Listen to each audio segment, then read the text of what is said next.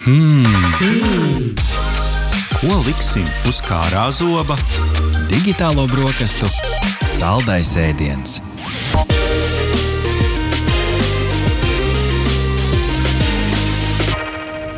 Labrīt, klausītāji! Sveicam jūs atpakaļ pie digitālo brokastu galda.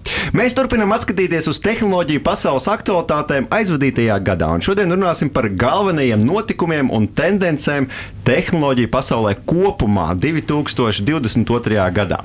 Gada sākumā visi sekojām līdzi Jamesa Weba teleskopam, tad sekoja Krievijas iebrukums Ukrainā, kas ietekmēja arī digitālo tehnoloģiju pasauli. Vēl plašāku rezonanci piedzīvoja uh, NFTs un metaverse, arī zaļais tehnoloģijas uh, attīstījās un kriptovalūtas daudz vidēja mūsu ziņu virsrakstos.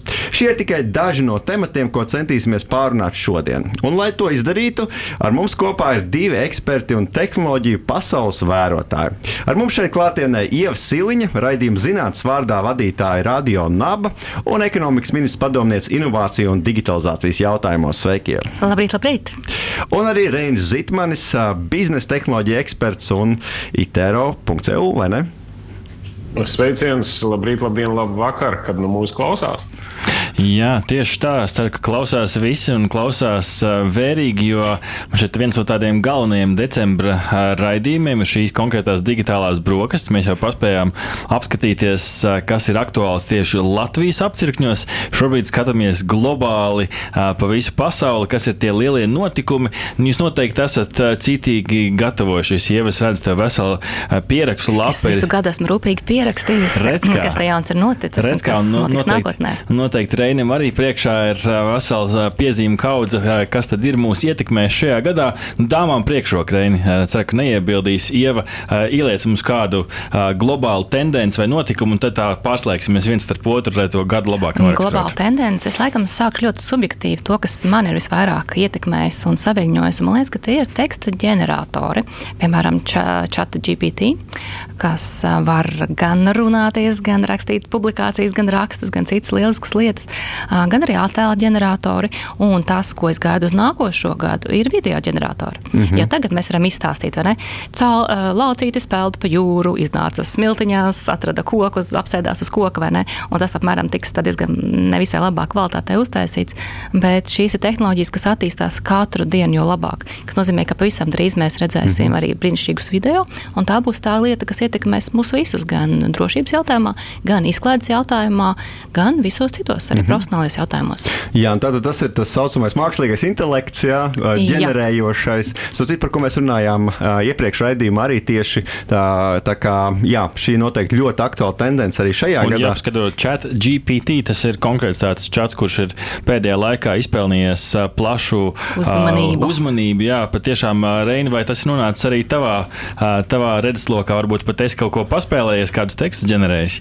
Nu, Ne tikai paspēlējies. Man ir viena prezentācija, kas ir uztapusi pilnībā tikai un vienīgi ar viņu palīdzību. Oho. Kāda rezultāti? redzēt. Kāda rezultāti? Redzēsim, no mēs viņu iesniedzām vienā tenderī. Nebija laika.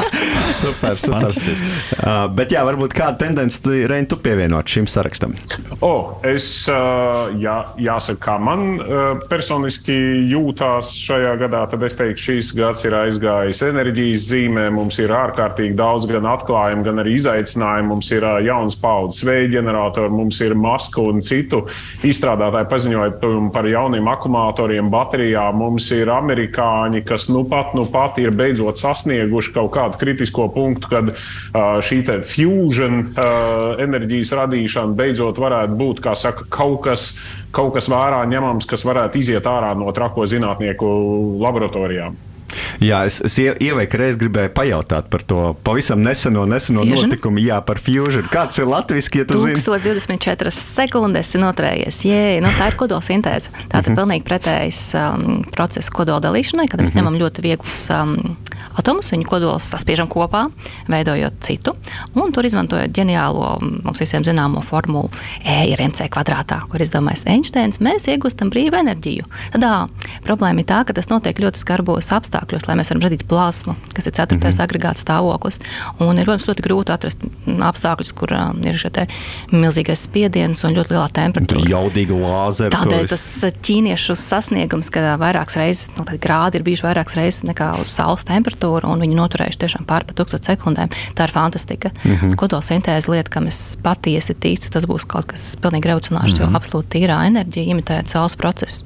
Tas ir vienkārši wow. Nu, lai vēl mūsu klausītāji nesit tā teikt plaukstus kopā, nesaka, ka visi malku vairs nevajadzēs. nu, pāris tam vēl ir pāris desmit gadi, vēl, vēl, vēl, vēl vismaz, un līdz tam, kā filmā Back to the Future, kur varēja automašīnā iemest pāris atkritumus, mm -hmm. un tur notiek sintēze, līdz tam noteikti vēl, vēl, vēl krietni daudz. Jā, bet tālāk. mēs esam nostabilizējušies šajā fāzē, mēs varam strādāt tālāk, kas nozīmē, mm -hmm. ka šīm pasaules zinātnieku kopējām pūlēm tomēr ir rezultāts. Un, un kas ir svarīgi pēc šī paziņojuma, jo principā jau nedaudz pirms tam, jo gan jau kāda informācijas noplūda ir, uh, milzīgas investīcijas arī tieši tajā jā, pielietojamajā jā, pusē jā. iet, un noteikti, ka mēs redzēsim arī to, kā tas atspoguļosies tālāk uz tehnoloģijām, vai ne? Viennozīmīgi. Mm -hmm. Pašķiram vēl šo zaļo virzienu nedaudz sīkāk, jo tur mums ir bijuši daudz dažādi virsraksti. Nu, kamēr mēs vēl nevaram to saules karstumu noturēt tik ilgi, lai ražotu nebeidzamu enerģiju, tikmēr mēs to cenšamies izdarīt citos veidos, un viens no veidiem ir saules paneļi. Gada otrajā pusē bija arī paziņojums par to, ka Latvijā ir pārsniegti jau desmit tūkstoši pašražojošu maisaimniecību. Tātad mājas dzīvokļi ar, ar saules paneļi, paneļiem konkrēti, kas, kas ražo šādā veidā elektrību. Un tas, ja es pareizi atceros, nosedz nu, aptuveni 10% no tas vajadzībām. Šobrīd, ja tas mēs ņemam vērā rezervētās jaudas, mm -hmm. tās mhm. patiesībā krietni pārsniedz vispār mūsu Latvijas vajadzības. Mēs varētu būt fantastiska enerģijas eksportētāja valsts. Tāpat, ja taps šie vēja parki Baltijas jūrā, arī mēs arī naktī varēsim kaut ko ražot, vai ne? -hmm, mēs vienmēr varēsim ražot. Man šķiet, ka kā svarīgākais šajā jautājumā ir jēdzīga politika kas to veicina un kas cilvēkiem ir rada uzticību. Ja tu, teiksim, sarēķini savas naudiņas, uzstādīji savu panelīti, un skaties, cena mainās, tad tu rēķini, vai ne, kas notiek vienā vai otrā virzienā. Mm -hmm. Reini, tu uzticies saules paneļiem? Es uzticos saules paneļiem. Tas ir salīdzinoši labs un salīdzinoši lēts mikroģeneratoru veids, kas ir piemērots gan kaut kādām mazākām, lielākām maisaimniecībām. Nav noslēpums, ka kaut kāda tirdzniecības centri, noliktavas un tā tālāk, kam ir šie lielie jumti, protams, varētu būt viena no lielākajiem ieguvējiem. Bet, uh, Nu, te ir arī jāsaprot, eh, ka šie paši pieminētie 10% tas ir kaut kāds maksimālais skaitlis, iespējams, vasaras vidū, uh, ziemā. Nu, jūs redzat, uh, vienmēr ir šī šķēre starp kā mēs gribam, kā mēs gribam redzēt, nu, vai visas mājas ir izraibināts ar saules paneļiem, un tad tur kā nu sanāk, tas viss izdodas, vai arī tomēr. Tāpat runājot par šo kodola sintēzi, un, un kodola ģenerators un atomelektrostacija ir kaut kas tāds, kas ir radies jau 50. gados. Ja? Un šobrīd mēs esam 2020. gadā, un es joprojām kaut kā Latvijā neredzu atomelektrostaciju. Tā tad ir pagājuši 50 gadi vai 70 gadi, lai šīs ēkas beidzot, kurā tas viss notiek, kas varētu ģenerēt pietiekoši daudz elektroenerģijas tādai kārtīgai lielai pilsētai, kas ir Rīga. Uh, nu, tam pasākumam ir jābūt mazliet mazākam par operas namu, uh, un tad nu, tas mums uzreiz vienā rāvienā kaut ko un daudz ko atrisina. Un šeit vienmēr ir šī ekonomiskā šķēra, vai mēs šobrīd uh, tērējam Eiropas naudu, uh, subsidējot uh, paneļus, kas ražo kaut ko ļoti bišķīt, uh, un cenšamies to visu kaut kā sakārtot ar ārkārtīgi diversificētu elektroenerģijas tīklu Latvijā, kur ir pudeles kaklu vairāk nekā mēs šobrīd varam iedomāties, vai arī mēs tomēr paņemam šo naudu un mēģinām viņu kaut kādā veidā pielikt ar vēl kaut kādu naudu un uzceļam vienu atomelektrostaciju. Un šīs diskusijas kaut kā Latvijā maz izpaliek. Ja zaļais kurs tas ir labs karoks, bet par segumu runājot, tur ir ārkārtīgi daudz darba. Tas viss ir tā. Mm -hmm. Jau kā tu skaties, saules paneļiem no. ir sava ēnas puse. Skatoties uz datiem, jo patiesībā mēs esam reti, reti zaļi, jo hidroelektrostācijas mums rada ļoti daudz enerģijas, un mēs Eiropā esam hei, hei, foršie, foršie. Bet, protams, mums jādomā par um, savām lokālajām lietām. Un uh, pareizi mēs runājam par to, ka jā, saules panelim otrā pusē ir enerģijas uzkrāšana. Vai mēs ejam atpakaļ tīklā un norēķinamies šādā veidā, vai varbūt tā ir uzkrāšana, tas jaunās tehnoloģijas, pie kā strādā mūsu zinātnieki, mm -hmm. vai ne? Jā, jā. Es uh, manīju, ka Somija tagad enerģiju krāja siltumveidā smiltīs, milzīgos konteineros. Tas tāds interesants. interesants. Un mm -hmm. ir mhm. torņi arī šie gravitācijas akumulātori, ir arī ārkārtīgi interesanta tendence. Uh, ir šobrīd uzbūvēti pāris prototipi, kur no tāda kā torņa tas smagums tiek celts augšā, un enerģija pēc tam viņš lēnām krīt lejā un tādā veidā uzkrāj un atdod. Respektīvi, mēs pārvēršam šo te, eh, tādā kā kinētiskajā enerģijā, vai kā to sauc, šo elektroenerģiju. Ja? Eh, un tas potenciāls patiesībā ir vecajās ogļu raktuvēs un šachtās, kur šie svaru kritumi varētu būt daudz kilometru garumā, un tas varētu būt krietni efektīvāks par kaut kādām nu, baterijām tradicionālā izpratnē. Izklausās, ka nākotnē ir tepat, tepat aiz stūra, un, ja mēs pavērojam Latvijas ielas, tad ar vien vairāk mēs redzam tos nākotnes automobīļus arī mūsu, mūsu ielās, paturpinot varbūt to zaļo, zaļā mm -hmm. virziena tēmu. Tās zilās numurzīmes ir ar vien vairāk arī šeit Latvijā. Es runāju par elektroautomobīļiem. To patiešām ir ar vien vairāk, un šajā virzienā iet arī, protams, visi lielie autoražotāji. Reini, tev jau ir savs elektroautorāts? Nē, man vēl nav savs elektroautorāts, joprojām esmu hibrīda cilvēks, un kamēr man patīk braukt labi, ātri un tālu, pagaidām vēl tas tik ātri nenotiks. Mm -hmm. Ja tu piebalsoji? Es piebalsoju. Es arī esmu hibrīda cilvēks un mīlētājs. Es gan šogad tādus lielus pavērsienus šajās tehnoloģijās neredzu, bet es gribu izstāstīt, ka man ļoti patīk tas, ko, kas notiek tepat Latvijā. Mm -hmm. Elektronikas datorzinātņu institūtā. Tās lietas, ko viņi dara pie pašrocošiem auto, tas būs tas, ko mēs redzēsim uz ielas pēc desmit gadiem, kas ir savienotā braukšana caur 5G tīklu, kas ir uztveres sistēmu attīstība, lai mašīna redzētu un būtu -hmm, gudra. Tie, tie lidari, ja? Nu, ne tikai. Un digitālie dviņi. Un tas ir kaut kas, kas man šķiet būs tāds negluži veids divi, bet veids mm -hmm. 1000, versija 1000, kas faktiski braucoša mašīna veidos 3D digitālo mm -hmm. dvīni, redzot, kas ir visapkārt. Un nākošā mašīna redzēs, nu, kāda tā izskatās tā vieta, kur nokļūt.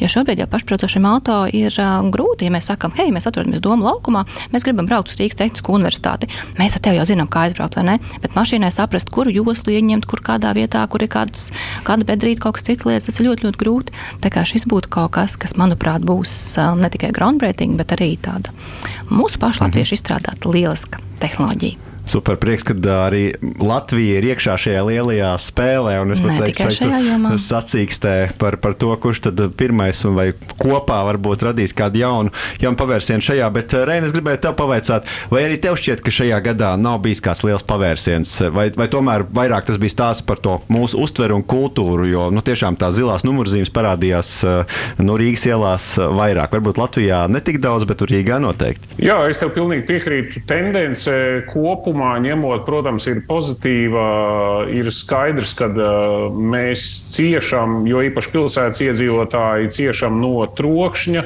no paaugstinātiem, nepārtrauktiem decibeliem, no atgāzēm un tā tālāk. Ir ļoti daudz diskusijas par to, vai šie Uh, sensori, ja, kas mēra gaisa piesārņojumu Rīgā, nu, cik daudz viņi tur fiksē un kāda tā aina ir īstenībā. Un elektroautorāts šī ziņā, protams, ir izsmeļs šīs problēmas. Taču elektroautorāts joprojām nu, šī šaurā vieta ir nobraucamais attālums. Mm -hmm. Es atceros pirmo elektroautorātu, ar ko man bija tas prieks izbraukt. Tas bija uh, Nissan Leafs, uh, un tas jau bija daudz, daudz gadus atpakaļ. Un es brīnišķīgi atceros, cik tā mašīna spēja nobraukt. Es brīnišķīgi atceros, kā es pirmo reizi mūžā lādējos. Uh, un, ja es paraugos ne, uz to automašīnu, bet uh, dusmojies, vai ne? nē, nē, bet ja es paraugos uz to automašīnu klāstu, ko var nopirkt daudz maz sakrīgā cenu līmenī šodien, uh, tad man godīgi jāsaka, es redzu to pašu attālumu, ko tā mhm. mašīna varēja nobraukt arī uh, daudz, daudz gadus iepriekš. Mm -hmm. nu, viens no, viena no ziņām, kas šogad uh, izskanēja, bet gan ir tāds joprojām koncepta auto, Mercedes prezentē Vision EQXX elektroauto koncepta auto šobrīd, kas nu, šķietami tos tūkstošu kilometru kilometrus centās, centās sasniegt. Nu, lēnā garā jau tur kāpj. Nu, pagaidām Tesla, Tesla izceļas ar, ar to, ka ir starp tiem varbūt tālbraucējiem, varbūt tieši to vidū. Un runājot par Teslu, starp citu, mums tā kā Eiropā ir beidzot sava Teslas rūpnīca. Tas nav radījis viļņošanos tajā vismaz Eiropas tirgu. Kā jūs to raugaties?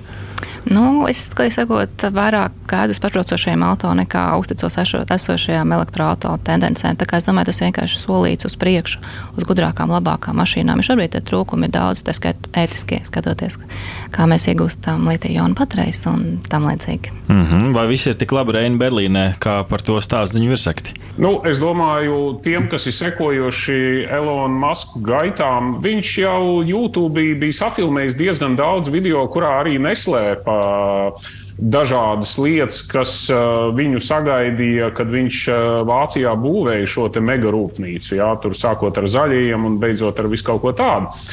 Bet rezultāts ir, nekas nenotiek vienā dienā. Un, no vienas puses, protams, mēs priecājamies, jā, mums. Eiropā beidzot ir kārtīga elektroautorāta rūpnīca, un nu, gan tradicionālo auto nozara dabūs trūkties. Taču nu, tas ir tāds uh, Pagaidām es neredzu vēl īsti, par ko priecāties. Ir, ir līdzīgā veidā mēs arī varam priecāties, kad Rīgā beidzot atvērās IKEA. Bet saprotiet, pareizi, tas nav, tā nav mūsu ražotne, tie nav mūsu auto.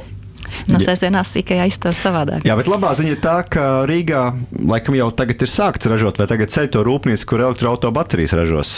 Tas droši vien paver kaut kādas iespējas mūsu arī auto industrijas kaut kādai nu, jaunai ērai, nezinu. Nu, es priecājos, ja tā notiek un notiks. Mūsdienu ražošana mūsdienu ražošanas apstākļi un tradicionāli, teiksim, kaut kāda elektronikas rūpnīca, ko jūs šodien redzat, tas ir kaut kas tāds skaists, balts, tīrs, ekranizēts, digitalizēts, robotizēts. Un tajā, protams, vairs nav nemiņas no uh, vecām, smirdīgām ķīmijām, trokšņa nenormāli un tam līdzīgi. Protams, iekšā troksnis tur ir lielām stelēm, sandviču paneļiem netiek ārā. Bet uh, atcerēsimies, tepat uh, tikai netik daudz gadus atpakaļ, ja kādas diskusijas izsauca nu, kaut kāda, es nezinu, rieprūpnīcas vai mm. kaut kas tāds, kuras cerēja atvērt Latvijā. Un, pat ja doma ir laba, Uh, nu, vienmēr ir jāsalāgo sabiedrības intereses un, un ekonomikas iegūmi. Uh, ir skaidrs, ka, ka mēs esam salīdzinoši neliela ekonomika, un uh, nu, mums ir jāizvēlas, mums ir gudri jāizvēlas, ko tieši mēs šeit vēlamies ražot un kāds tieši mums šeit iedzīvotājiem no tā būs labums. Varbūt čipus jāražo. Jā, un tas jau tagad arī ir. Ražot ir ļoti dārgi, bet maziņus. bet es, es ticu, ka tā ir viena no tām tēmām, par ko šodien var parunāt. Jā, jā nu, kādā ziņā ir jau šis memorands parakstīts par to, ka Latvijā vajadzētu uz to ražot niet, bet uh, tika pieminēts Elonas Masks mūsu sarunā. Jā, un, uh, nu, viņš šodien, uh, šodien paspēja, nevis šodien, bet šajā gadā paspēja tiešām pievērst sev ļoti lielu uzmanību. Viņš jau tā bija uzmanības centrā ar dažādām aktivitātēm, bet nu, man liekas, Twitter nu, nopirkšana, tā laikam to var nosaukt, vai ne? Pārņemšana. Pārņemšana, jā, ir, ir radījusi veselu apvērsumu tieši nu, Twitter pasaulē. Un, un uh, man ir principā divi virzieni tiem jautājumiem, ko es par šo gribētu pavaicāt. Jā, nu, tas galvenais, protams, ir kāds ietekmē sociālo tīklu pasauli. Jo viena puse tam ir šī cenzūras samazināšana, jā, nu, tā tad atverot tādu zināmā mērā Pandoras lādi, uh, nu, gan, gan uh, nepatiesai informācijas izplatīšanai, gan varbūt arī daudz nepatīkamu tēmu cilāšanai un varbūt arī cilvēku nu, kaut kādai iespaidošanai. No otras puses, nu, tas ir līdzis ar vien vairāk runāt par dažādiem decentralizētiem sociālajiem tīkliem, uz kuriem tagad arī viena daļa cilvēku pārceļās. Varbūt tās pat ir eh, klasiskā sociālā tīkla beigas, varbūt tas ir kaut kāds jauns sākums. Vai, vai, vai, vai jūs piekrītat šādam vērtējumam, un kā jūs varbūt vērtējat vispār šo notikumu ar Twitter šogad? Es vispār skatos skeptiski uz sociālajiem tīkliem. Man nepatīk būt precēju, man nepatīk, ja man laika man atņem un pārdot reklāmu devējiem. Un man brīžiem šķiet, šķiet, ka tas ir pat kaitīgi sevišķi jaunākajai paudzei. Iedomājieties, daudzos jauniešus, kas atrodas TikTok platformā. Vai jūs zināt, ka jaunam lietotājam vajag mazāk kā 40 minūtes, lai viņš saskartos ar dezinformāciju. Jo šī platforma darbojas pilnīgi citiem principiem. Viņi neizvērtē, kas ir patiesa, kas nē. Un mazāk kā 40 minūtes un dabū dezinformāciju par asņēno Putina karu Ukrainā cilvēkam, kurš varbūt politiku neinteresējas. Un tas patiesībā ir ļoti, ļoti bīstami. Mm -hmm. Un mhm. šie tīkli, kas nav vērtībās bāzēti, bet ir monetāri bāzēti un spēlē ar mums, gluži tāpat kā saucamās azartspēļu mašīnas, hei, tas nav draudzīgi, tas mm -hmm. nav forši. Un Twitter, kurš mēģina radikalizēt cilvēkus. Es esmu labs, tu esi slikts. Arī nerada cilvēkiem labas lietas. Līdz ar to, nu, jāsaka, es, protams, zinām uzjautrinājumu skatos, kas, kas tur notiek, jo tas noteikti nav laba menedžmenta paraugs. Un jo vairāk šie tīkli norietēs, es domāju, un cilvēki kļūs apzinīgāki, jo labāk viņu pašu mentālajai mhm. veselībai, attiecībām citiem cilvēkiem un pasaulē mm -hmm. vispār. Reni, kā tu vērtē varbūt uh, Twitter notikumus šogad? Uh, man ir dalīts jūtas. Um, Es, diemžēl, neesmu tik labās domās par cilvēkiem kā par patērētājiem. Viņi patērē jo krāsaināk, skaļāk, muļķīgāk, animētāk, jo labāk. Līdz ar to šī te, teiksim, kultūras radīšana vai mēģinājums tagad visiem kopā kļūt viedākiem, labākiem, pieklājīgiem vai gudrākiem caur to, ka mēs aktīvi sekojam līdzi, kādam tad būtu jābūt šim ideālam sociālam tīklam, bet mēs esam viena no pasaules mēroga kultūru, kosmosa sastāvdaļā mūsu vērtības nav un nekad neatbildīs ar šīm pārējām vērtībām. Un tur ir dzirdēts ārkārtīgi daudz, gan sākot ar šo radikalizāciju, gan beidzot arī ar cilvēkiem, kas uzskata, ka, nu, ka tas ir labi, ka tas zināmā mērā bremzēs cancel kultūru, jo visi nevar būt visiem labi, visi nevar būt visiem pieklājīgi, un ir jābūt melnam un baltam, un ir jābūt nostājai un pozīcijai. Un mums ir jāizvēlas, kurā sociālajā tīklā vai sociālajos tīklos mēs savā starpā vēlamies komunicēt, kur mēs jūtamies komfortabli un kas atbilst mūsu vērtībām. Un man nav jāpieņem Twitter vērtības, man nav jāpieņem TikTok vērtības. Es varu izvēlēties neinstalēt savā vietā runī WhatsApp, ja man tas nav vajadzīgs. Jā, mums nav jāskrien līdzi.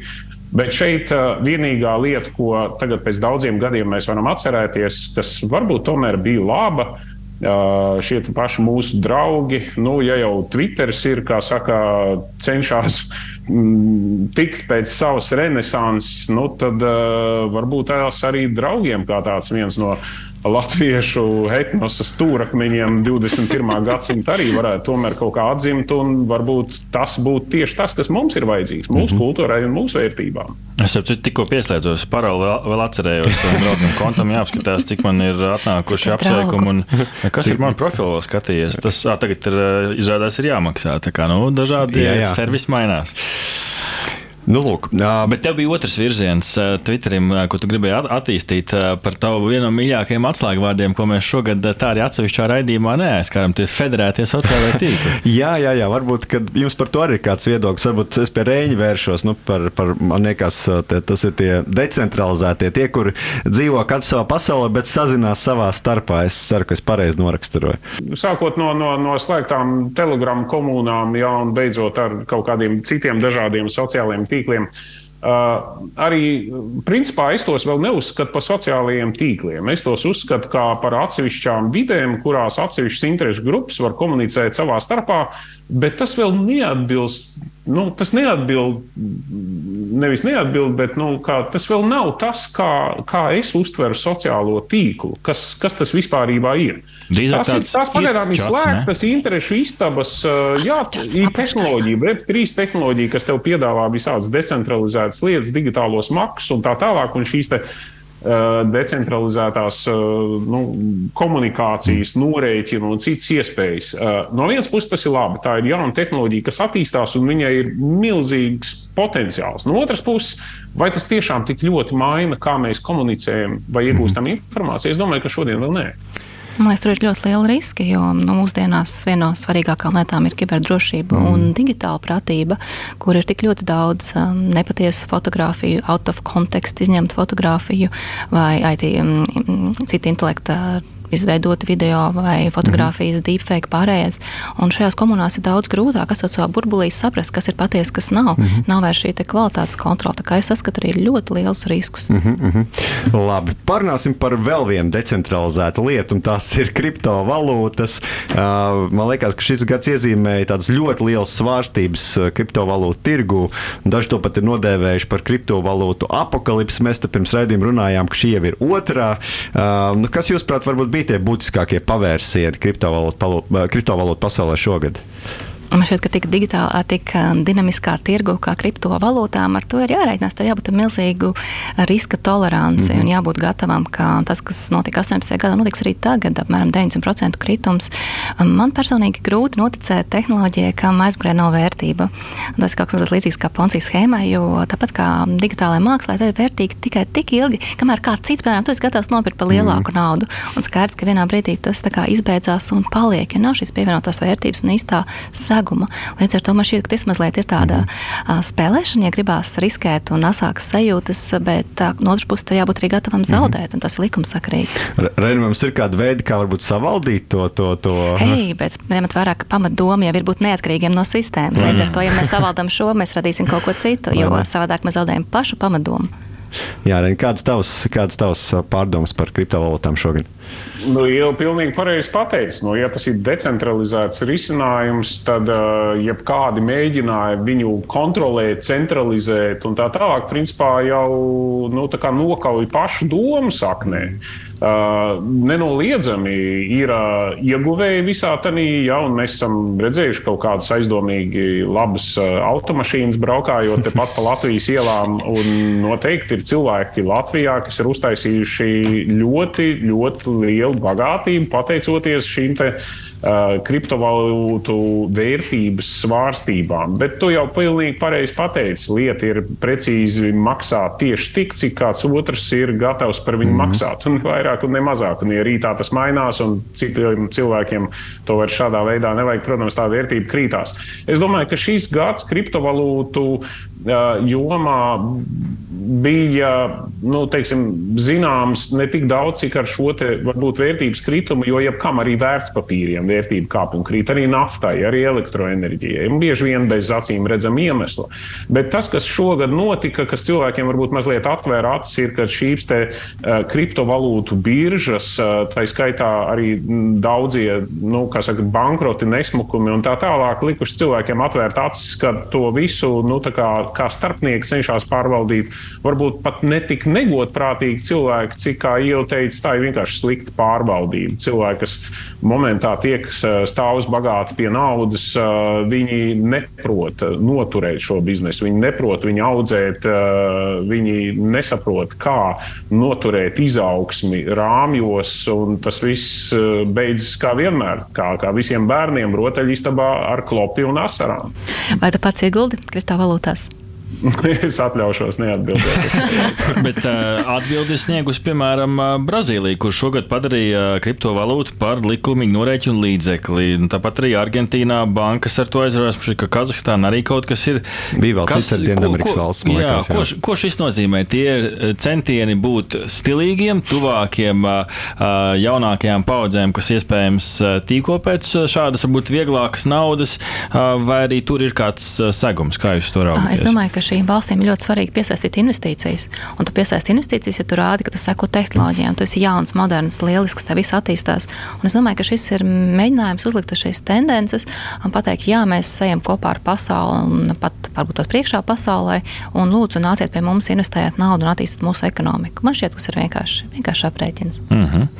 nu, skatoties mums pulkstenī, tika aizraujoši saruna, ka laiks skrien divreiz ātrāk, tā viņš šķiet. Tūlīt klāt ir 2023. gads, un sāksim gadu šeit digitālajās brokastīs ar tādu jau tradīciju, kas mums ir šeit izveidojusies. Būs, nebūs spēle, kurā mēs prognozējam nākamo gadu. Un varbūt katrs no jums iemetiet tādu vienu, vienu tendenci vai vienu kādu notikumu vai, vai, vai, vai kādu parādību, kurai jūsuprāt vajadzētu sekot līdzi. Vai drīkst divas? Nu, var mēģināt divas, bet pavisam ātri. Okay, viens, protams, teksta ģeneratori, kas attīstās pa dienām, un um, tātad video būs nākošais gads. Un otrs, man liekas, Neuralings, jau piesauktajam maskam, kur šobrīd ir eksperiments, kur pērtiķītiem tika šis čips implementēts smadzenēs, un viņš veiksmīgi kontrolē pēli, datorpēli. Mm -hmm. Un ir, tagad būs atļaujas testēt tehnoloģijas cilvēkiem. Tā kā, hei, varbūt nonāksim pie papildinātās realitātes caur Neuralinku. Oho, tāds Matrix 2023. gadā tā vien izklausās. Reina, vai viss ir tik,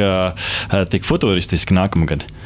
Jā, nu, par futurismu runājot, mēs varam atgriezties pie šī paša metaversa, ja, par ko mēs ārkārtīgi daudz arī ar jums kopā, man liekas, runājam, kā pagājušā gadā, tā varbūt pat aizpagājušā gadā. Un es domāju, nākamais gads varētu būt tāds visai interesants pagrieziena punkts, kas vai nu ies uz augšu, vai nu ies uz leju. Redzēs, kā veiksies Facebook sociālajiem tīklam, metaversam vai šai te digitālajai telpai. Droši vien pašai par sevi nav nekādas vainas, un visticamāk, tas būs. Ja.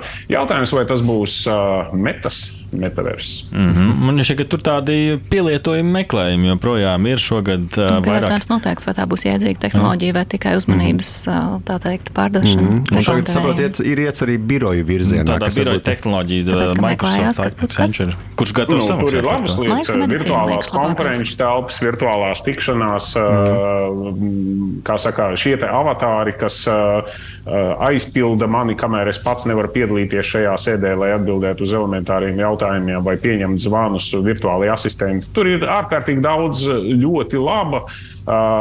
Bet es domāju, tas viss pagaidām turās uz cilvēkiem, kam vienkārši patīk būt pie datora ļoti, ļoti, ļoti ilgi. Mm -hmm. Tur ir viņa pasaule. Savienojam šo kopā ar to, ko ieteica par tiem ģeneratoriem, tekstu ģeneratoriem. Beig beigās mēs varam mierīgi cept piparkūkus un pīrādziņus, un, mm, un viss metaversā strādā mūsu vietā. Vai tas, vai tas tik nebūs skaisti, Rihard, vai ne? Man jau patīk arī tā īstā dzīve, un, un tāpēc es saku lielu paldies mūsu šīsdienas viesiem, kas bija šeit un tagad, un uh, iedeva arī savu skatījumu un savus vērojumus par tehnoloģiju attīstību un tendencēm 2022. gadā. Nu, redzēs, ko mums nesīs 2023. gads, bet iespējams to jau mēs pārunāsim pēc gada. Paldies Rēnim Zitmanim, biznesa tehnoloģija ekspertam un arī Ievais Siliņai. Raidījuma zinātnes vārdā vadītāja Radio Nava. Par to, ka bijāt kopā ar mums. Paldies jums! Priecīgu Ziemassvētku, laimīgu jauno gadu! Un priecīgs svētkus! Aha! Paldies, ka noklausījāties mūsu līdz galam! Ja patika, uzspiediet laiku, atstājiet komentāru vai padalieties ar draugiem. Un nobaudiet arī citas epizodes, kā arī sekot mums, lai nepalaistu garām savu ikdienas tehnoloģiju ziņu devumu.